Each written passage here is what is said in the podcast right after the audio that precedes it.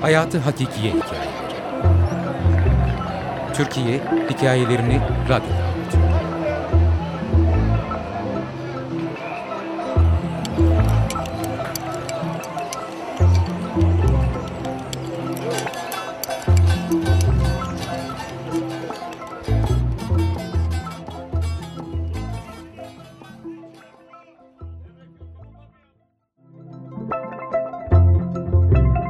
Tanker Mehmet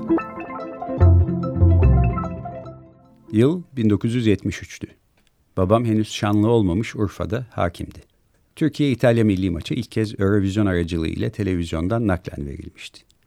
Bankaların ikramiye olarak apartman katı vermesi yasaklanmıştı. Vietnam'da ateşkes ilan edilmişti. İsmail Beşikçi, komünizm propagandasından 8 yıl hapse mahkum olmuştu. Halk ozanı Aşık Veysel Şatıroğlu akciğer kanserinden ölmüştü. Vasiyeti gereği türküler söylenerek toprağa verilmişti. Çevre yolu yapımı için Edirne Kapı'daki tarihi surların yıkımına başlanmıştı. Muş Milletvekili Nermin Çiftçi ilk kadın meclis başkan vekili seçilmişti. Mardin'in Kızıltepe ilçesinde aşiretler arasında çatışma çıkmış, aralarında Adalet Partisi ilçe başkanının da bulunduğu 12 kişi öldürülmüştü. Dünya Sevgi Birliği madalyası Sev Kardeşim ve Hayat Bayram Olsa şarkıları nedeniyle Şenay'a verilmişti. Üniversiteye giriş sınavı sorular satıldığı için iptal edilmişti. Türkiye-Irak petrol boru hattı anlaşması imzalanmıştı. Türkiye'nin ikinci Cumhurbaşkanı İsmet İnönü ölmüştü. 1973 Aralık ayının sonu gelmişti. Anadolu'nun küçük şehirlerinde hakimler kuvvetli insanlardı. Babamın çok sevdiği dayısının kızının öğretmenlik sınavını İstanbul'da kazanması mümkün değildi. O yüzden Meliha yenge ve kızı Aysel abla bavullarını toplayıp bize gelmişlerdi. Babam sınavda ona torpil yaptıracaktı. Torpilde hiçbir ahlaki zaaf akla gelmiyordu. Zira herkes çok iyi kalpliydi.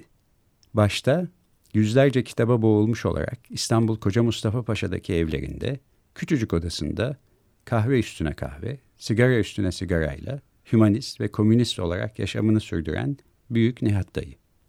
Az parayla çok güzel yemekler yapıp dikişler diken, trikotaj makinesinde örgü örüp para kazanan Büyük Meliha Yenge. Herkese, özellikle mahalledeki kimsesiz çocuklara, çolaklara, topallara, fakirlere acımaktan helak olarak yaşayan, belki de bu yüzden kendini derslerine veremeyen iyi kalpli sulu göz Aysel abla.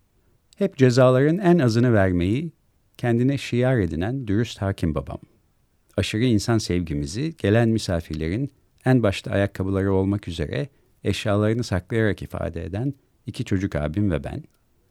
Ve tüm bu iyi insanların karnını doyurmaya çalışan fedakar annem.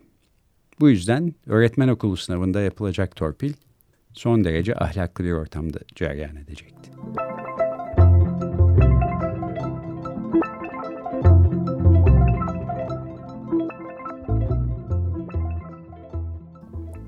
Sınav sabahı Aysel ablayı sınava götürmek için bir araba ve şoför lazımdı. Zira bizim arabamız yoktu. Babam bunun için beyaz bir kağıda üç şoför ismi ve karşılarına telefon numaralarını yazmış, sofadaki yemek masasına bırakmıştı. Şoför İsa, Tanker Mehmet, şoför Ziya. Bu üç şoförden biri ayarlanıp Aysel ablayı sınava götürecek, kapıda bekleyecek ve geri getirecekti. Sınav günü şoförlerden biri geldi, Aysel abla gitti. Annem kahvaltı masasını toplamaya başladı. Beni de peşine taktı. Ben gözüm ve kulağım evdeki misafir Meliha yengede söylenen işi yapmaya koyuldum.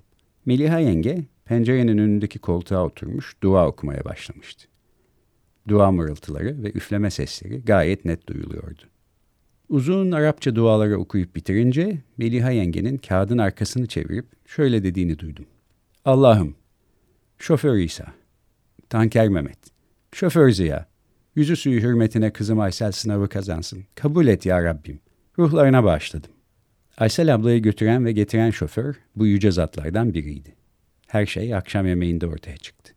Babam şoför isimlerini Meliha yengenin dualarının yazılı olduğu kağıdın arkasına not almıştı. Aysel abla 29 Aralık 1973 günü Tanker Mehmet'in yüzü suyu hürmetine öğretmen olmuştu. Tanker Mehmet'in bundan haberi olmamıştı. Tanker Mehmet. Yazar Ayşenur Melik. Editör Hatice Örün. Okuyan Güven Güzeldi Hayatı Hakikiye Hikayeleri. Türkiye hikayelerini radyoda.